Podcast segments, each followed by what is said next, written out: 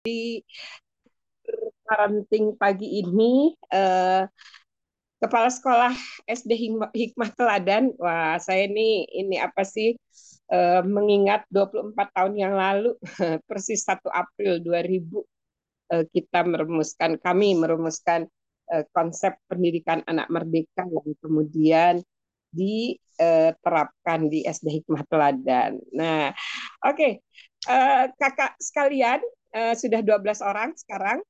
Um, pagi ini kita kembali eh, kultur parenting pagi kembali hadir untuk mengajak uh, seluruh um, pemirsa baik yang ada di Zoom, di YouTube, di Instagram, di uh, apa itu TikTok, uh, Facebook dan apa ya uh, Spotify juga ya.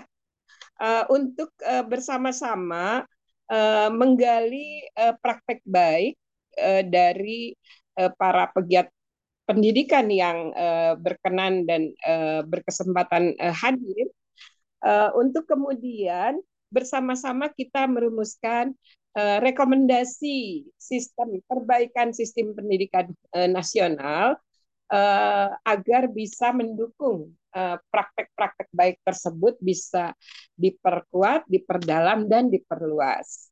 Uh, seperti sebagaimana yang diketahui oleh uh, para pegiat pendidikan di tanah air, sebenarnya ada upaya perluasan praktek baik yang sudah dilaksanakan oleh uh, Kemdikbud dalam bentuk program organisasi penggerak dan sekolah penggerak. Tapi kita coba untuk menghadirkan beberapa sahabat keluarga peduli pendidikan yang bekerja lebih dari 20 tahun ya untuk bisa memastikan apa yang menjadi um, Oke, yang menjadi menjadi uh, prioritas di dalam upaya pemenuhan hak dan perlindungan anak bisa dipertahankan, diperkuat, diperdalam bahkan uh, uh, benar-benar bisa bisa dikaji dari berbagai aspek untuk uh, penguatannya dalam hal kebijakan.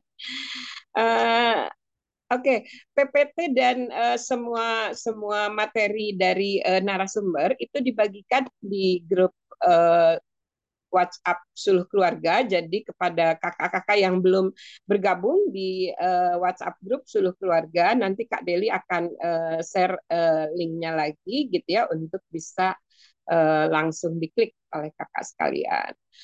Oke, kepada Kak Vina, kita persilahkan uh, 20 menit ya Kak ya. 20 sampai sampai 27 menit lah. Eh, ya 20 menit lah sekitar itu ya. Silakan Kak Vina.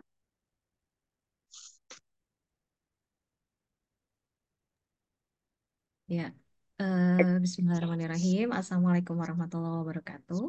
Waalaikumsalam warahmatullahi wabarakatuh.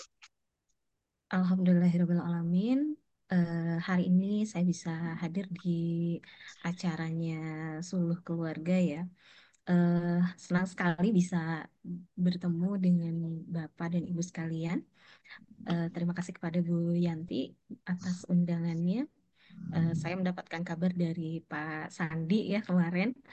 Uh, kiranya cukup dengan Pak Sandi aja kemarin yang apa yang yang bisa sharing ya ternyata uh, saya juga dapat kesempatan uh, alhamdulillah uh, mudah-mudahan apa yang uh, bisa saya sharing hari ini uh, ada sesuatu lah ya yang yang bisa diambil hmm, ya saya uh, belum berkesempatan bertemu langsung dengan Bu Yanti sebagai kepala sekolah pertama perempuan di SD Hikmah Teladan. Mudah-mudahan nanti suatu hari bisa langsung ketemu.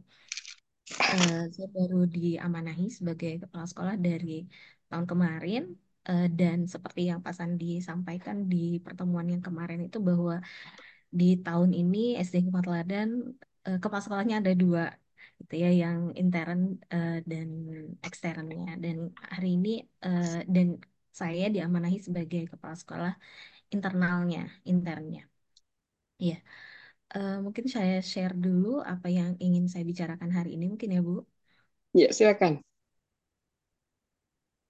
uh, ralat ya sedikit uh, di seluruh keluarga kita uh, panggilannya semuanya jadi kakak ya oh iya kakak biar biar ya, kayak kaseta katanya selalu muda. Silakan, Iya, iya. Kak Vina. Eh, sebentar. Hmm.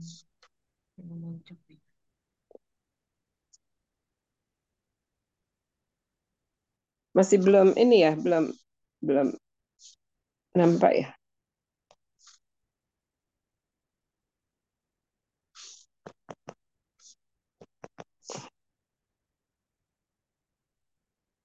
Halo, Kak Vina. Ini freeze atau gimana?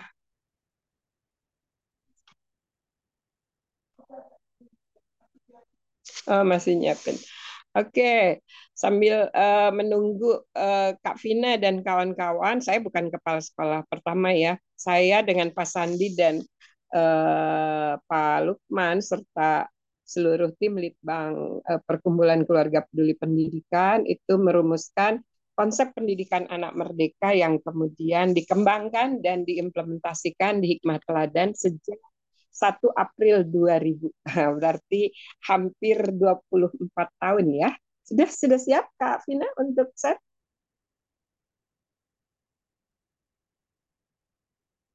Suaranya hilang?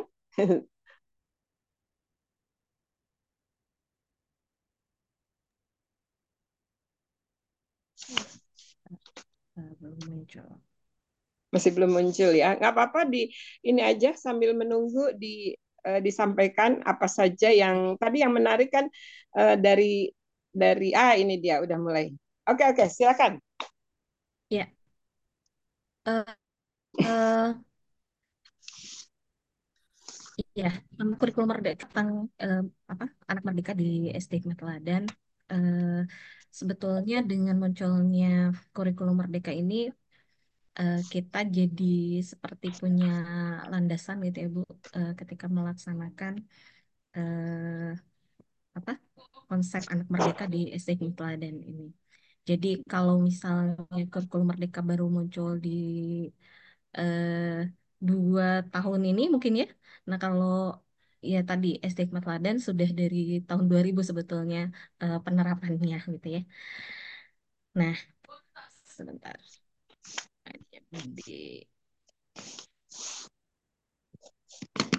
ya uh, seperti halnya yang pernah yang sudah disampaikan oleh Pak Sandi ber, berkaitan dengan visi jadi sejak tahun uh, perumusan awal visinya itu adalah menjadi sekolah terdepan dalam menerapkan konsep pendidikan anak merdeka. Nah, apa yang yang uh, uh, apa penerapannya seperti apa gitu ya? Uh, jadi di sekolah kita itu uh, memang akhirnya tidak ada peraturan, tidak ada peraturan. Uh, disebutnya kalau oleh litbang kami itu Pak Arifin itu ya sekolah dengan nol peraturan. Jadi tidak ada peraturan-peraturan tertulis yang tertempel di mana pun gitu ya. Uh, uh, kemudian tidak ada penerapan hukuman di sekolah kami, kemudian menghargai setiap keunikan anak dan uh, saat ini istilahnya ternyata karena kebetulan saya juga uh, sedang pendidikan guru penggerak ya Bu, jadi hmm. uh, ada istilah tentang restitusi gitu ya dalam penegakan disiplin itu. Nah, jadi memang dari awal uh, penegakan disiplin di SD Teladan dengan menggunakan uh, restitusi. Tidak ada hukuman, tidak ada konsekuensi. Kemudian untuk pengembangan kurikulum sendiri itu berbasis kelembagaan. Jadi kalau misalnya dari uh, apa uh, kita me pernah mengalami yang namanya kurikulum uh, apa yes. 2004 kemudian kurikulum 2013 dan sekarang kurikulum uh, Merdeka sebetulnya tidak terlalu banyak perubahan kalau di Mahfada. Jadi kurikulum sendiri, pembelajaran sendiri itu memang kita apa susun sedemikian rupa uh, kita susun sendiri berdasarkan kebutuhan yang memang uh, ada pada anak gitu ya. Jadi kalau misalnya sekarang ada istilah uh, tidak boleh memaksakan kurikulum atau kurikulum yang begitu fleksibel, uh, ya dari dulu kita sudah menerapkan itu. Tidak pernah mena apa tidak pernah memaksakan yang namanya kurikulum itu harus selesai, tapi melihat eh, dulu eh, eh, kemampuan awal anak seperti apa, kemudian kebutuhan untuk anaknya seperti apa. Nah, eh, seperti disampaikan kemarin juga bahwa sekolah eh, SD Hikmat itu adalah sekolah inklusi. Sekolah inklusi yang memang menerima anak-anak berkebutuhan khusus. Hmm, dan sistem penerimaannya pun eh, itu eh, tidak tidak ada seleksi gitu ya, relatif tidak ada seleksi. Eh, jadi eh, itu akhirnya banyak kejutan memang, bukan hanya di anak-anak berkebutuhan khusus saja, tapi juga di anak-anak reguler yang lainnya. Jadi kalau di sekolah kita itu menerima anak berkebutuhan khusus itu adalah eh, satu kelas itu maksimalnya dua orang dengan kategori satu berat, satu ringan. Nah, kalau anak-anak yang lainnya itu berarti sekitar eh, apa sebanyak 26 anak itu dikategorikan sebagai reguler. Di awal sistem penerimaan kita sebetulnya ada yang namanya eh, eh, psikotes gitu ya. Tapi psikotes untuk siswa reguler itu lebih ke melihat apakah eh, sebetulnya mereka ini kategorinya membutuhkan pendampingan khusus atau tidak. Ketika misalnya ternyata dari hasil psikotes tersebut memerlukan pendampingan khusus, artinya berarti eh, anak tersebut eh, harus sebagai eh, anak berkebutuhan khusus gitu ya.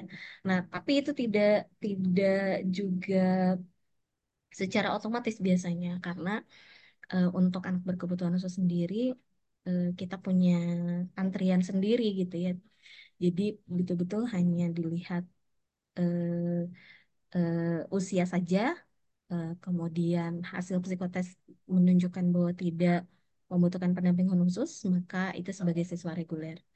Untuk anak berkebutuhan khususnya, dua orang ini juga sudah melalui asesmen. Asesmen lebih ke melihat ya sebetulnya kekhususannya apa, kebutuhannya apa, sehingga eh, nanti kita biasanya akan lebih mudah untuk membuat program khususnya gitu.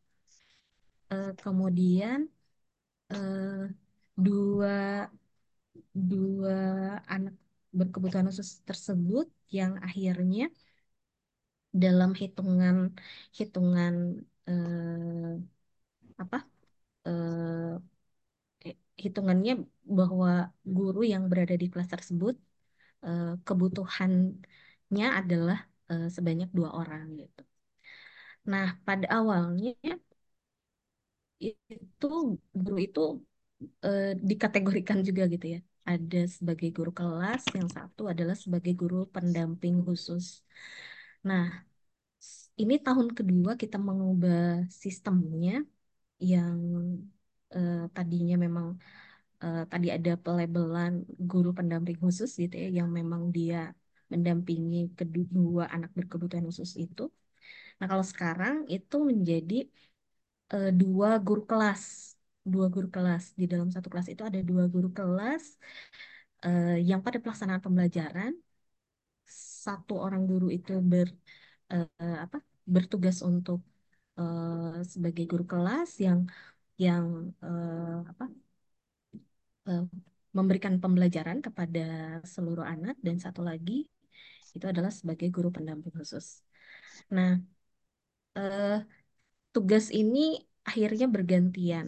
Jadi yang bertugas sebagai guru yang memberikan mata pelajaran itu ada dua orang, kemudian ya guru yang bertugas sebagai eh, guru pendamping Yesus itu ada dua orang. Itu berlaku di kelas 1 dan kelas 2. Sedangkan kelas 3 ini lebih luas lagi. Jadi eh, karena kita menerapkan adanya eh, eh, guru kelas bidang studi di kelas 3 sudah diberlakukan sehingga ada perpindahan guru eh, di empat kelas. Eh, begitupun dengan guru pendamping khusus. Di dua tahun ini kita merasakan sekolah kita lebih inklusi lagi. Yang sebelumnya itu adalah bahwa tanggung jawab untuk mendampingi tertujunya hanya kepada satu orang guru saja. Jadi kalau misalnya ada permasalahan apa pun berkaitan dengan anak berkebutuhan khusus eh, itu hanya tanggung jawab satu orang, tapi kalau sekarang itu eh, kepada dua orang gitu ya di kelas satu dan kelas dua Kemudian di kelas 3 sampai kelas 6 itu lebih eh, bahkan sampai ke 8 orang gitu setiap anak berkebutuhan khusus. Nah, jadi di dua tahun ini setelah perubahan tersebut memang kita merasakan sekolah kita lebih inklusi lagi. Eh, ini terasanya adalah di setiap diskusi gitu ya, setiap diskusi, setiap pertemuan guru, ketika ada permasalahan-permasalahan berkaitan dengan anak berkebutuhan khusus, itu eh, yang berbicara jadi lebih banyak, yang terlibat lebih banyak, yang bisa memberikan eh, apa ya pengalaman-pengalamannya gitu ya dalam menghadapi anak berkebutuhan khusus tersebut itu menjadi lebih banyak sehingga dan terasanya memang bebannya tidak berat kepada satu orang. Kemudian anak reguler pun kalau di sekolah kita karena tadi hanya dilihat dari usia saja gitu ya dan penerimaan eh, peserta didik eh, itu adalah eh, dengan melalui psikotes itu hanya untuk melihat apakah memerlukan pendampingan atau tidak, eh, itu pun ternyata penuh kejutan karena eh, di di waktu psikotes itu ya banyak sekali hal yang mempengaruhi sehingga ya maksudnya hasil psikotes itu tidak tidak semuanya menggambarkan keseluruhan kondisi anak gitu. Jadi di biasanya muncul itu adalah di minggu kedua. Di minggu pertama biasanya itu adalah masa pengenalan lingkungan sekolah karena waktu sekolahnya juga masih masih sebentar itu belum terlalu terlihat. Dan baru terlihat itu adalah di minggu kedua karena jam sekolah yang sudah normal gitu ya dari jam setengah delapan sampai jam dua. Dan ya itu pun menjadi eh, ya banyak kejutan gitu ya eh, anak-anak ini. Nah, kemudian yang yang eh, eh, apa yang sudah ada di SD Hikmat Teladan lagi bahwa kalau misalnya di kurikulum Merdeka sekarang kita mengenal ada yang namanya P5 kalau di eh, eh, yang yang berbasis project gitu ya. Nah, kalau di SD Hikmat Teladan memang sudah diterapkan sejak lama. Hmm, di setiap angkatan itu eh, minimalnya adalah melakukan proyek itu dua kali. Jadi di semester, di setiap semester eh, itu minimalnya satu kali. Dan di akhir semester itu biasanya memang ada perayaan. Nah, khusus untuk kelas 5 dan kelas 6, kelas 5 khususnya ini yang sudah cukup lama, eh, itu selalu proyeknya itu adalah tentang karya tulis. Eh, meskipun setiap tahun itu nanti akan akan apa modelnya mungkin berbeda-beda tergantung kepada eh, guru juga yang akan mengelolanya. Eh, pernah kita membuat karya tulis yang memang karya tulis ilmiah gitu ya. Kemudian eh, di tahun ini ini eh, karya tulisnya adalah membuat buku eh, buku buku yang berbasis pro- project. Jadi anak-anak nanti membuat membuat project dulu gitu ya sebelum akhirnya dituliskan ke dalam eh, sebuah buku karya mereka sendiri. Nah, ini memang eh, project yang sudah ditetapkan di kelas 5. Jadi kalau kelas 5 temanya harus tentang karya tulis ini. Satu lagi adalah tentang kalau di kelas 6 ini yang baru di semester ini ada project yang memang tentang kepemimpinan. Jadi eh, anak-anak kelas 6 akan banyak sekali kegiatan yang akan eh, mendorong eh, leadership mereka gitu ya. Dan ada satu yang menarik mungkinnya di tahun ini juga yang baru kita terapkan bahwa di SD Hikmat Teladan berkaitan dengan bullying sebetulnya itu sangat minim. Hmm, kenapa? Karena dengan kehadiran anak-anak berkebutuhan khusus salah satunya itu yang membuat kita lebih mudah ketika mengajarkan empati, eh, kasih sayang gitu ya itu lebih mudah namun eh, itu biasanya di di tingkat yang sama gitu ya Eh, eh, jadi bullying di tingkat yang sama itu itu sudah sudah sangat minim bahkan mungkin hampir tidak ada nah eh, tapi kita masih menemukan bullying itu di level eh, yang berbeda berbeda eh, tingkatan gitu ya. Misalnya dari kakak kelas kepada adik kelas eh, itu masih kita temukan. Eh, biasanya sih munculnya di jemputan gitu ya. Nah itu itu eh, kita masih menemukan.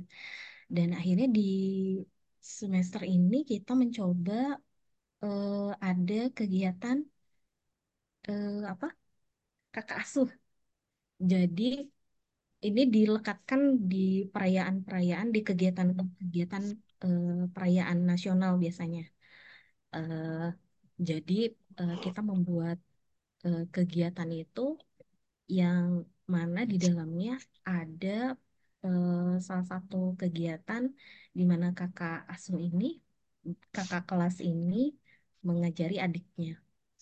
Dan Alhamdulillah di eh, itu responnya sangat baik. Kemudian eh, mungkin nanti saya bisa memperlihatkan sebuah videonya ya untuk melihat melihat bahwa hal itu ternyata cukup cukup berpengaruh dan berhasil gitu ya untuk menekan yang namanya bullying dari kakak kelas ke adik kelas. Eh, itu kita adaptasi dari sebuah buku judulnya eh, apa Sekolah Nir Kekerasan ya dari eh, inspirasinya yang dari sekolah menyenangkan dari empat benua yang ada di grup grup eh, sekolah menyenangkan. Nah, eh, itu pernah dilakukan bukan bukan pernah maksudnya dilakukan di negara Australia. Eh, nah, kita cobakan ya ternyata hasilnya eh, sangat baik itu untuk bisa eh, menekan tingkat bullying dari kakak kelas ke adik kelas.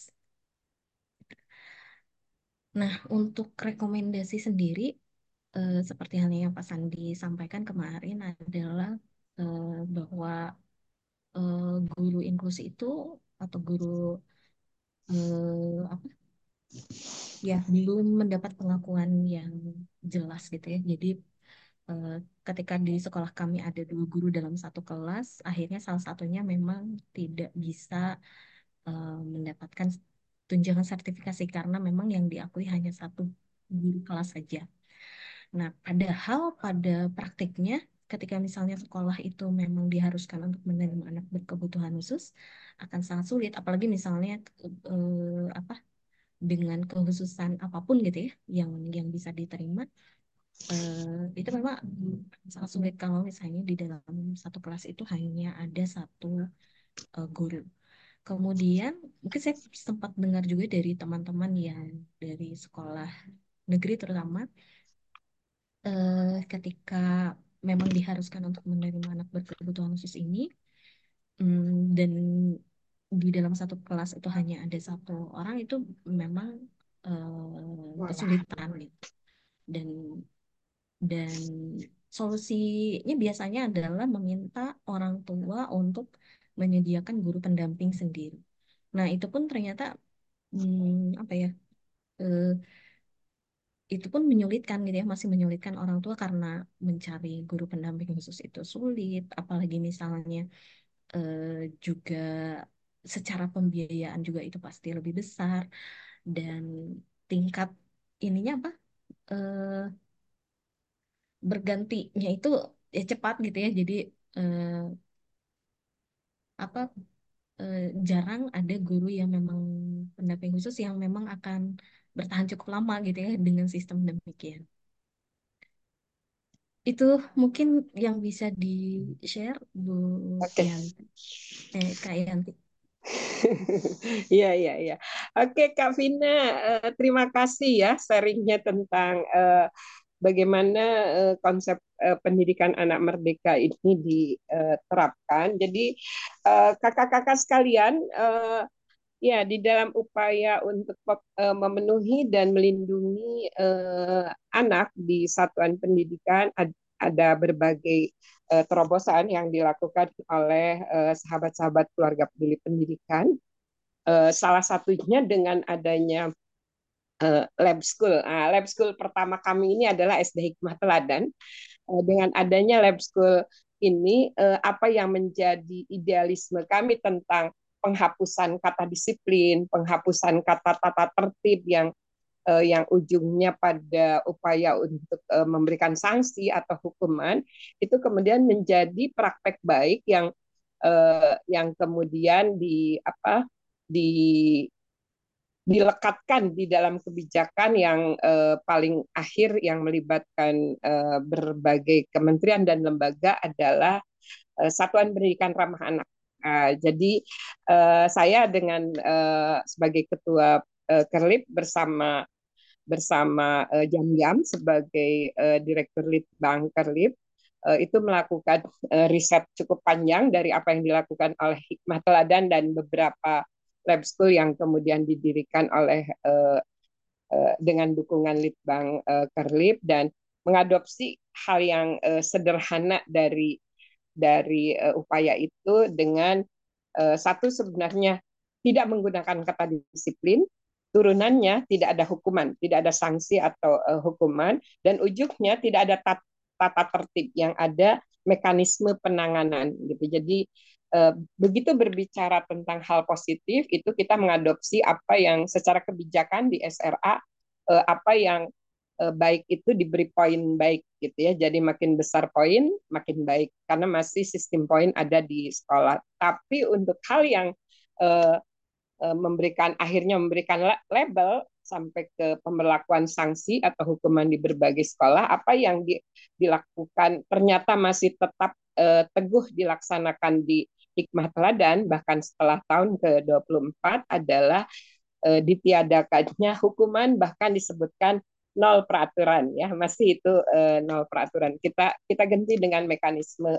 uh, penanganan yang bermuara pada uh, pembinaan khusus tadi ya mulai dari dari psikotes pun itu diarahkan pada pembinaan khususnya bukan pada uh, seleksi diterima atau enggak. Karena seleksi di hikmah teladan tadi disampaikan Kak Vina masih uh, kukuh hanya menggunakan kategori usia sesuai dengan Undang-Undang uh, Sisdiknas. Oke, okay. uh, eh, Kavina di sini ada uh, banyak teman-teman, uh, silakan yang uh, mau uh, bertanya atau menyampaikan uh, penguatan uh, bisa raise hand atau uh, langsung uh, bisa dituliskan di chat room. Di sini ada Kak Yuda nih. Kak Yuda tuh tahu saya uh, dulu LPMP sekarang namanya apa? BPMP ya di di NTB ya. Silakan Kak uh, ini kebetulan eh bukan kebetulan ya hikmah teladan sejak awal memang uh, melakukan uh, terobosan anak merdekanya itu dibantu lima lima orang tim ahli dari pusat kurikulum. Salah satunya adalah Pak Zulfikri Anas yang sekarang jadi ketua. Oh ini sudah ada yang raise hand. Siapa, siapa nih yang raise hand?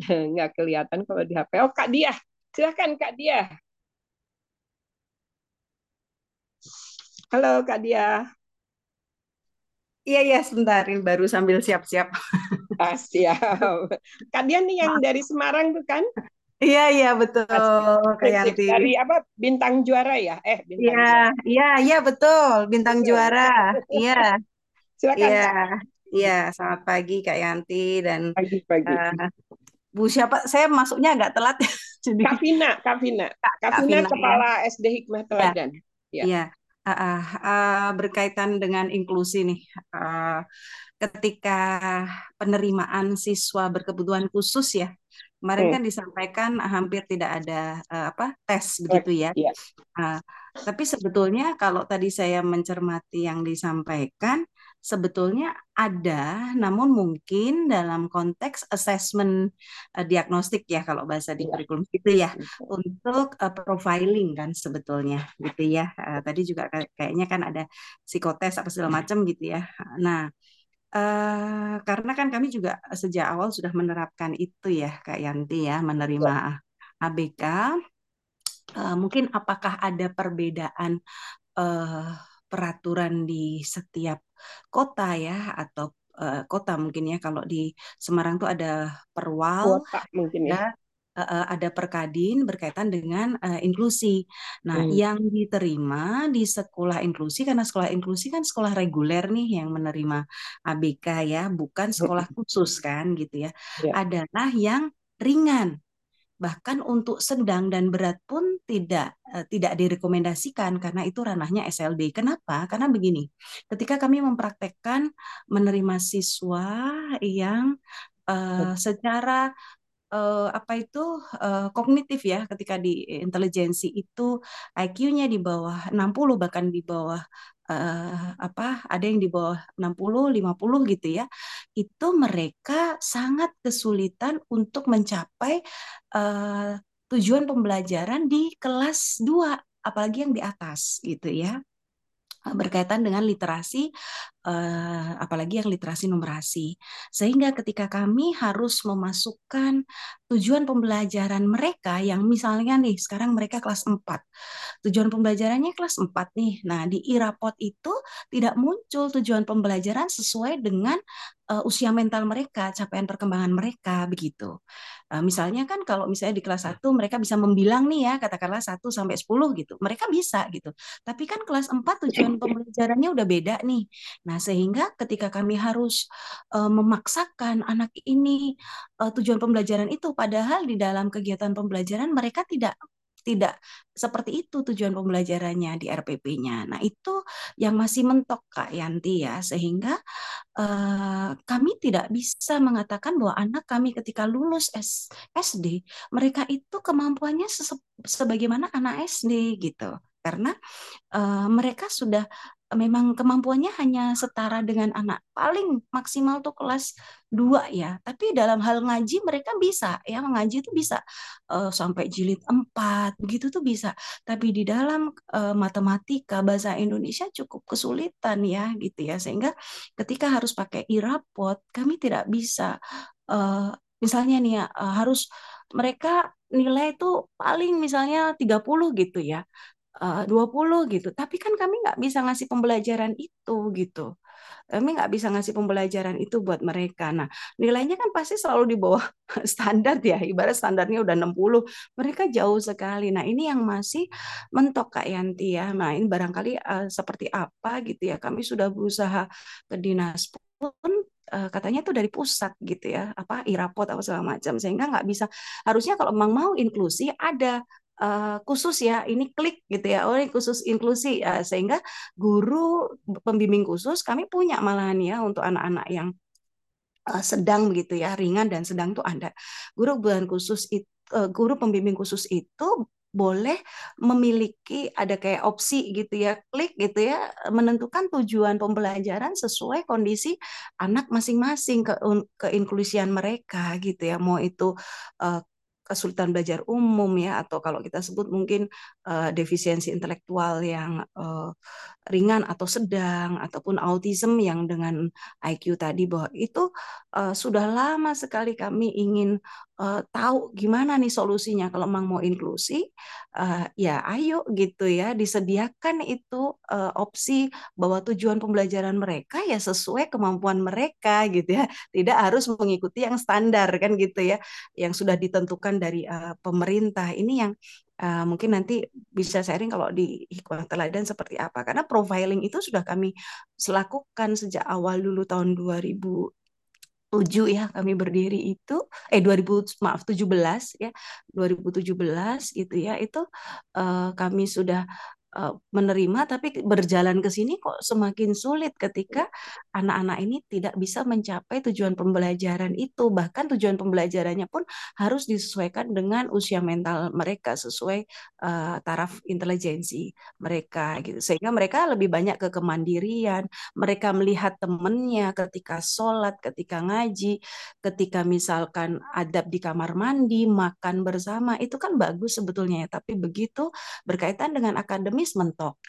ini ya itu saja eh, apa namanya kalau memang kita mau kurikulum merdeka yang sebetulnya sejak awal juga kami udah terapkan itu filosofinya ya eh, mau inklusi ya hayu cuman gimana nih kalau udah mentok di dokumen rapot apalagi yang uh, irapot gitu ya ini uh, belum ada Oke. solusi ya terima kasih Siap. Kak Yanti dan Kak Vina ya sharing-sharingnya iya. ya. Assalamualaikum warahmatullahi wabarakatuh Waalaikumsalam warahmatullahi wabarakatuh. Ini ada tanggapan dulu nih Kak Vina dari KL. Nah, inklusi memakai program pembelajaran individu sesuai dengan jenis ABK-nya. Tujuan yang paling penting adalah sosialisasi. Ini memang tantangannya selalu pada pengisian irapot ya. Silakan Kak ya Vina, betul bagaimana bagaimana di eh, hikmah teladan?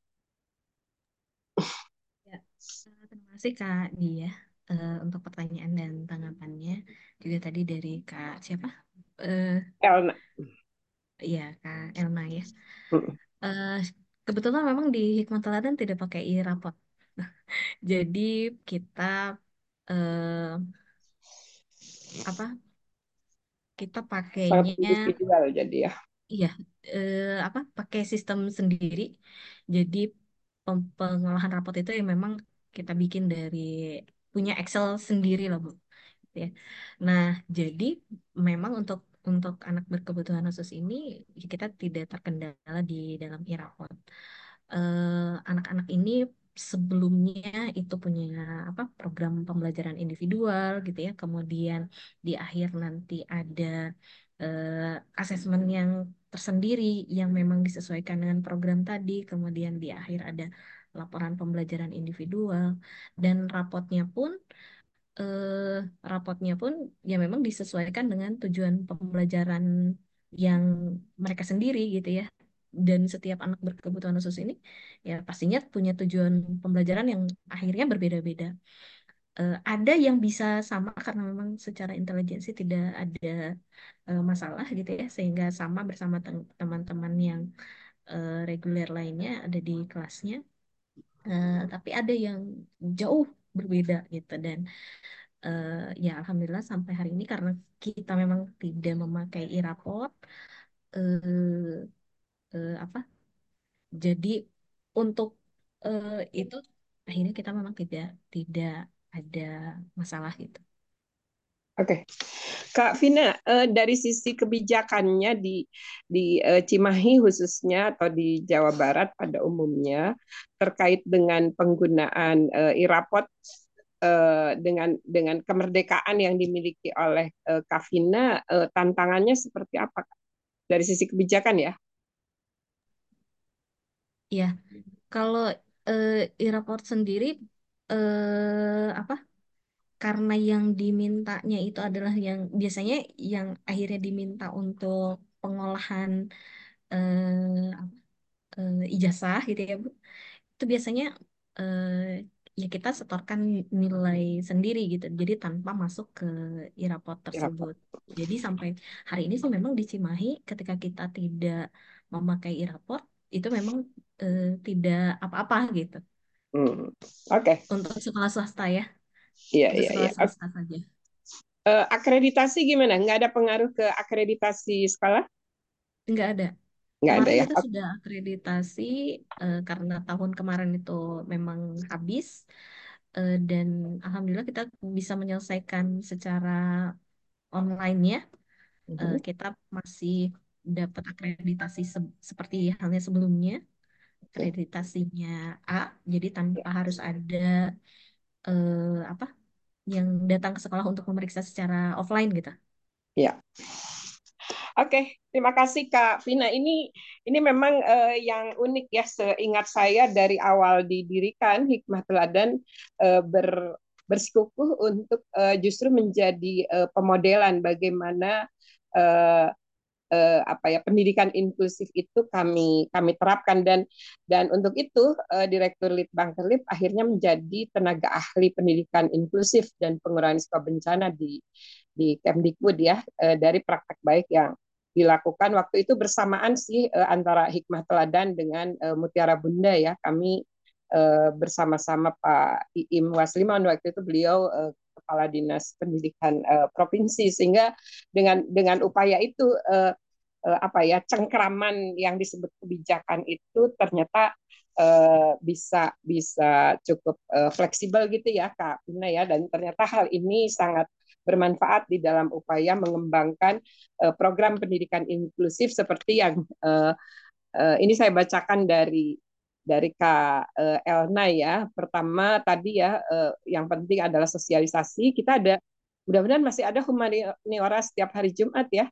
Lalu akademik tidak jadi patokan untuk ABK, lalu Eh, di awal harus diobservasi dan memakai indikator yang sesuai jenis ABK-nya, memakai eh, PPI. Ya, jelas ini sangat sangat apa ya merdeka untuk dilakukan di hikmah teladan. Oke, tadi sudah membuka membuka kamera Kak Cicih dan Kak Tiah. silahkan kalau ada yang mau disampaikan. Terima kasih juga ya Kak dia memang kelihatannya uh, masih beda daerah, beda beda kebijakan. Berarti secara nasionalnya kita perlu perlu dorong lagi agar uh, kebijakannya bisa cukup uh, memerdekakan satuan pendidikan, terutama yang diselenggarakan masyarakat untuk menerapkan inovasi-inovasi yang memperkuat inklusi ya. Oke, Kak Rosmani ada yang mau disampaikan dari uh, Kak Hasim juga, wah Kak Hasim bawa bawa bayi nih. Kak Hasim, silakan Kak Hasim. Tadi tadi berusaha untuk muncul beberapa kali. Silakan Kak. Kasim dari mana nih Kak Hasim? Assalamualaikum warahmatullahi wabarakatuh. Waalaikumsalam warahmatullahi wabarakatuh. Kebetulan saya dari Subang, Bu. Oh, Subang. Eh, kak, kakak lupa ya, dengan kakak ya, bilangnya nggak boleh iya, ibu ya. Iya, semuanya kakak. Berarti sama dengan Kak Piah ya, sama-sama Subang. Silakan. Ada yang mau ditanyakan? Sih, belum untuk ditanyakan, tapi untuk menyimak, alhamdulillah dari kemarin eh, saya menyimak tentang eh, penerapan kurikulum merdeka. Sebetulnya saya eh, diamnya di TK, bu, eh, ah, di, ya. di di pendidikan anak usia dini. Iya. Tapi sangat penting ilmunya dari rekan-rekan semua, eh, terutama dalam untuk menyampaikan parenting. Oke, terima kasih Kak Hasim. apalagi ada ini ya apalagi ada episode khusus terkait dengan transisi PAUD SD menyenangkan ya sampai uh, eh, SD awal. Iya. Oke. Okay. Betul betul. Iya. Kak, Kak Pia ya, silakan. Ya, ya, terima kasih Kak Hasim. Kak Pia silakan.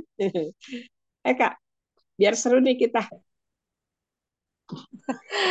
ya, terima kasih eh, kakak-kakak semuanya. Ini di seluruh keluarga setiap hari Senin dan hari Jumat itu sangat saya nantikan ya materi-materinya itu semua bermanfaat gitu. Terkait masalah disiplin gitu ya kakak kak Yanti e, terus terang pengetahuan saya masih dangkal gitu ya. E, sangat menarik waktu saya dapat materi terkait disiplin positif dari e, tim ahli Mendikbud karena kebetulan sekolah penggerak kemudian ketika diskusi di seluruh keluarga juga e, menarik gitu ya. Nah, kemudian tadi juga ini sangat menginspirasi. Ternyata e, sudah dilakukan penelitian dalam waktu yang lama gitu ya di e, setengahnya e, yang sekarang jadi narasumber gitu. Ya. ingin ya mendapat karena pengetahuan saya masih dangkal jadi ingin ingin mendapat apa ya namanya tuh pendalaman mungkin ya karena kan itu terkait dengan tata tertib gitu ya di sekolah kan uh, identik dengan ada tata tertib guru, tata tertib siswa gitu ya. Nah, ketika mendengar tata tertib itu setelah kita menerima materi masa disiplin positif kita sudah hilangkan, kita ganti dengan kesepakatan kelas bersama anak-anak gitu.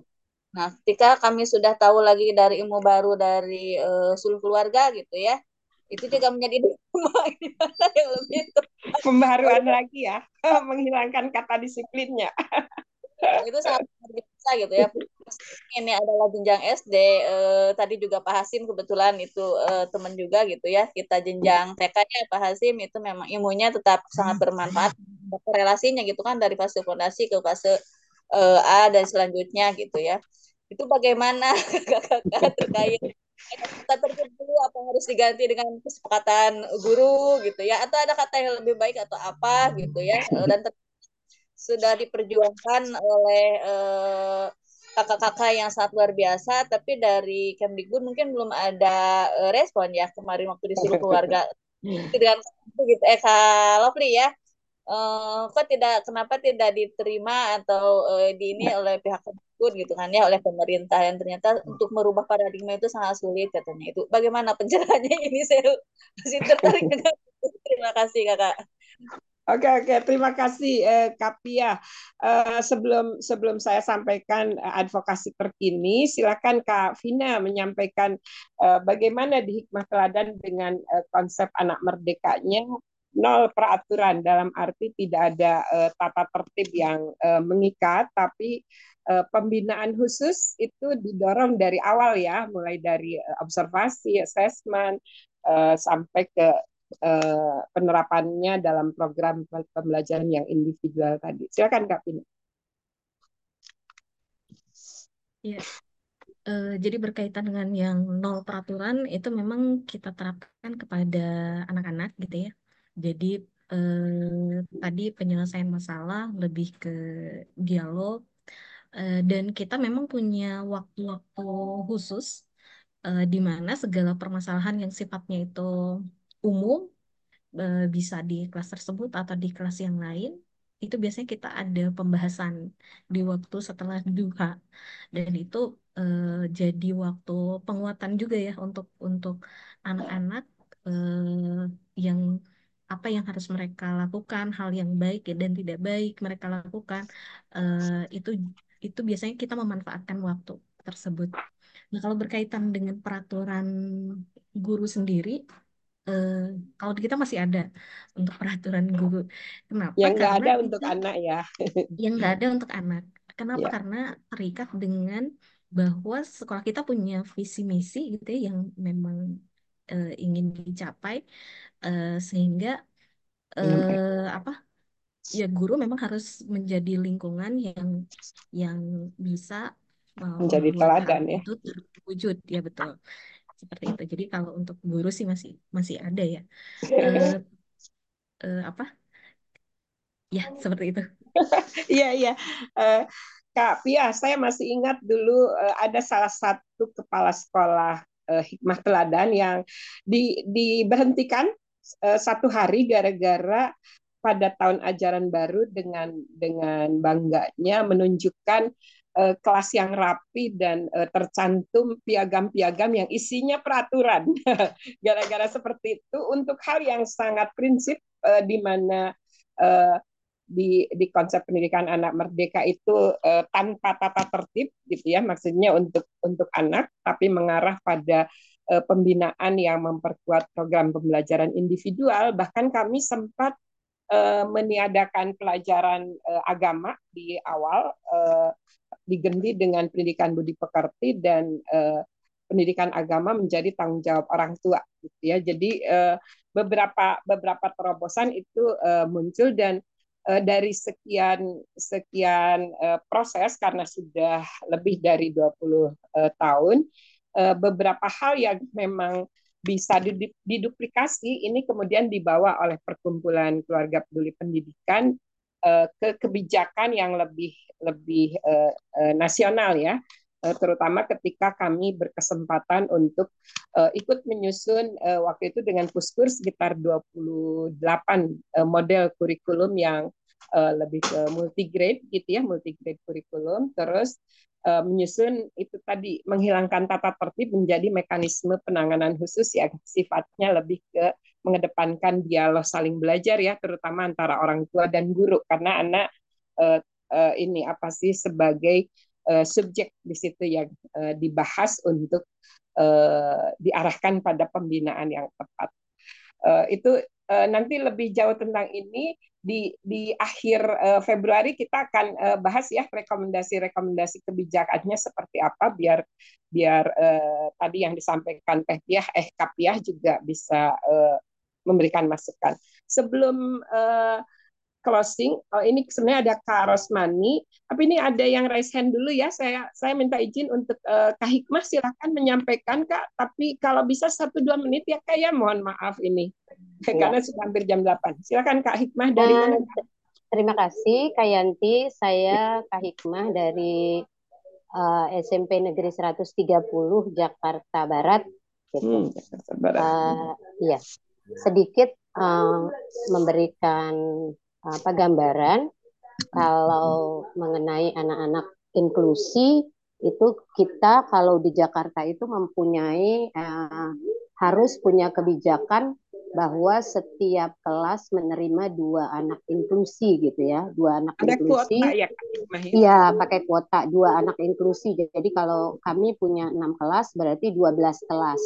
Nah tapi ternyata setelah proses pembelajaran dan kita melakukan tes diagnostik itu ternyata lebih dari yang diperkirakan karena memang uh, masuk melalui jalur zonasi yang tidak menggunakan penilaian. Itu uh, saya temukan agak lebih banyak uh, waktu itu mereka kelas uh, 7 naik kelas 8 sudah tatap muka uh, setelah Covid. Ternyata anak itu nggak bisa baca gitu. Setelah saya temui saya, dia tidak bisa baca. Uh, masuk melalui jalur zonasi. Uh, kemudian saya tanya kok di SD bisa naik gitu ya. Misalnya karena belum bisa baca. Uh, karena seperti yang tadi kakak awal ungkapkan uh, sulit itu untuk mengejar uh, mengenai pengetahuannya ketika membaca saja belum. Tetapi yeah. di situ kami dengan keterbatasan karena tidak ada uh, guru khusus, tidak ada guru khusus yang uh, se seyogianya seharusnya di peraturan itu ada guru pendamping.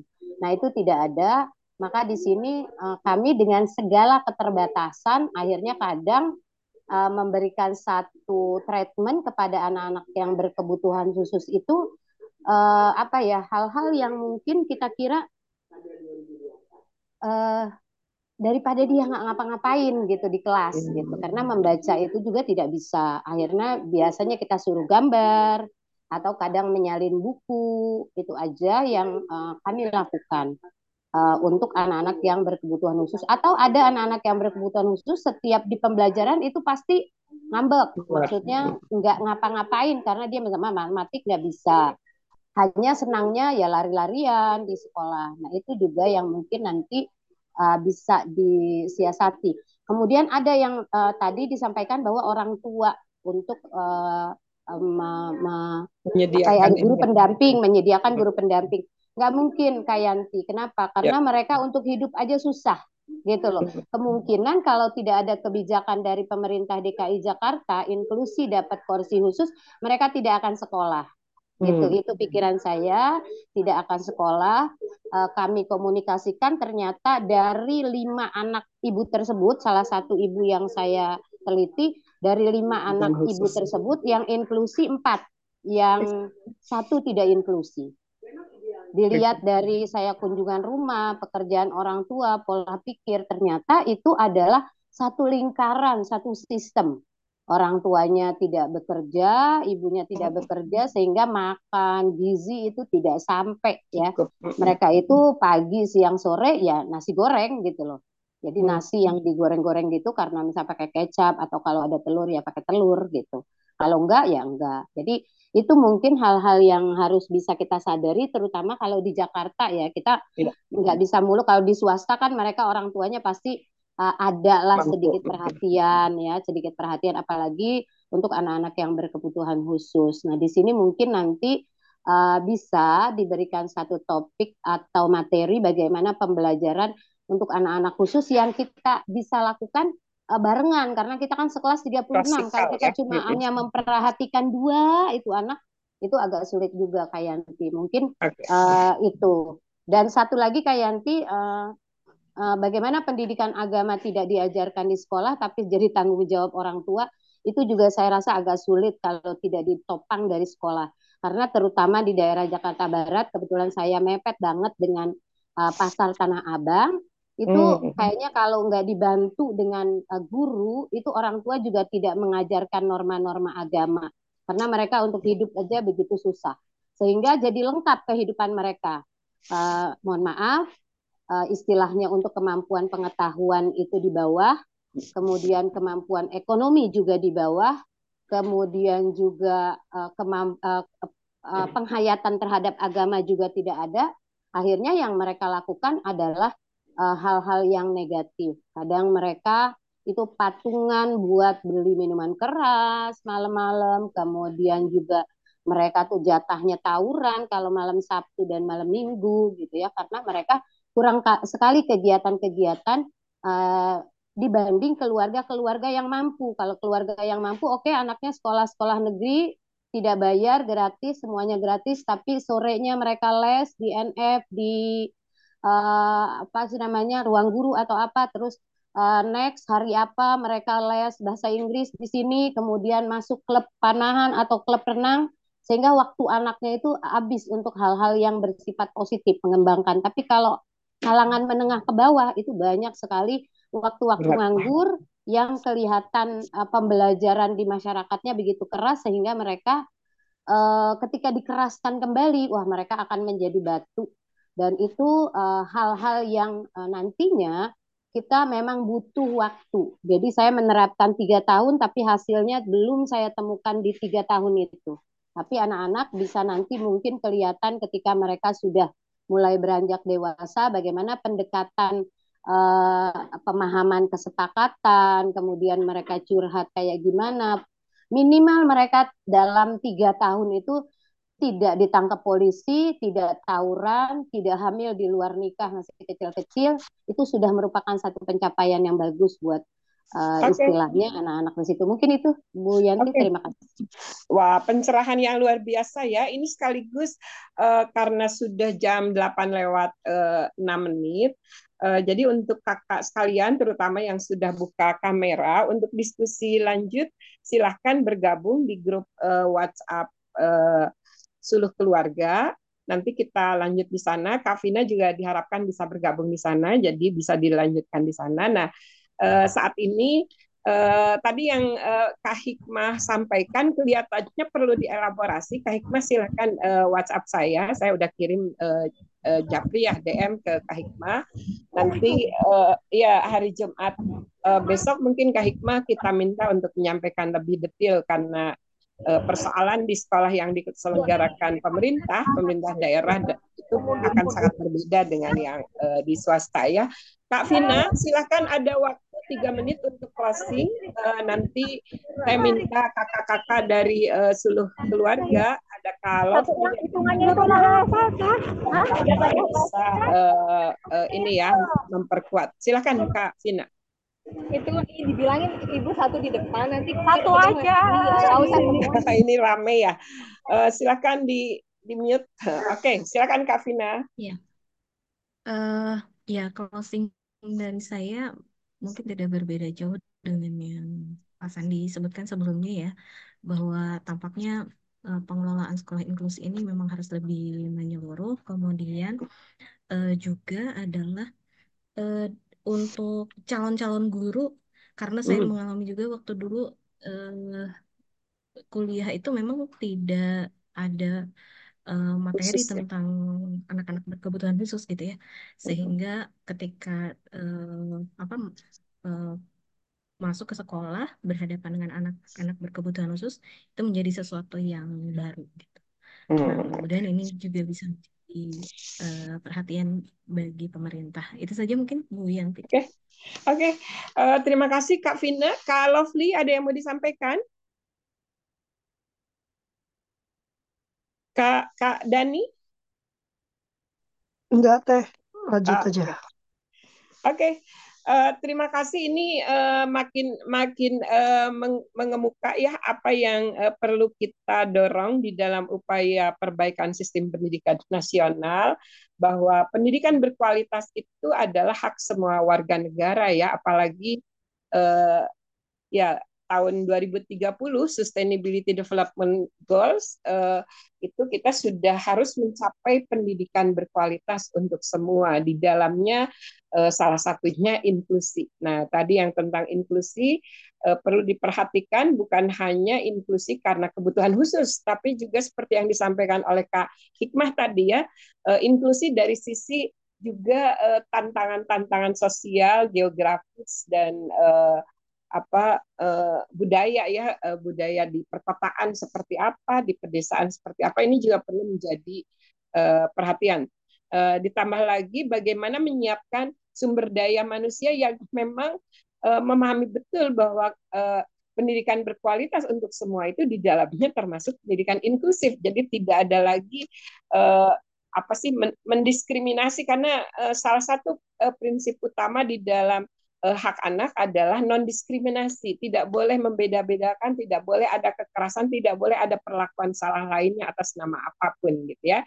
Uh, saya uh, di sini sebagai apa ya menyampaikan dari seluruh keluarga ada ada empat prinsip hak anak yang kita kedepankan di dalam upaya mendorong child right based parenting pengasuhan berbasis hak anak pertama kita betul-betul memahami prinsip yang pertama non diskriminasi tanpa perlakuan salah lainnya pada anak ya termasuk tadi kata disiplin kita hilangkan dulu dari benak kita gitu ya. Lalu yang kedua uh, kepentingan terbaik an uh, anak ini benar-benar menjadi pertimbangan utama di dalam perencanaan pelaksanaan dan evaluasi gitu ya. Lalu yang ketiga hak hidup kelangsungan hidup dan tumbuh kembang anak ini juga perlu menjadi prioritas kita. Tadi yang uh, contoh kasus-kasus yang disampaikan Kak Hikmah dan uh, Kak Ipa, eh, Kak Pia itu uh, uh, perlu menjadi pertimbangan kita. Yang keempat, hak anak untuk didengarkan dan ditanggapi dengan sungguh-sungguh. Nah, dalam hal inilah konsep anak merdeka yang hari ini baru lagi tambahannya yang kita dengar setelah pasangan kemarin, sekolah dengan nol peraturan untuk anak gitu ya. Dengan dengan upaya ini kita Eh, semuanya mengarah pada kepentingan terbaik anak di usia anak itu membutuhkan pembinaan yang spesial eh, individual gitu ya karena setiap anak tidak bisa dibandingkan dengan uh, anak yang lainnya. Oke, okay. semua yang baik yang tadi disampaikan oleh Kavina juga apa yang disampaikan oleh semua kakak yang sudah merespon itu datanya dari yang maha kuasa jadi kita terima dan kita kita perkuat ya kita internalisasi gitu ya.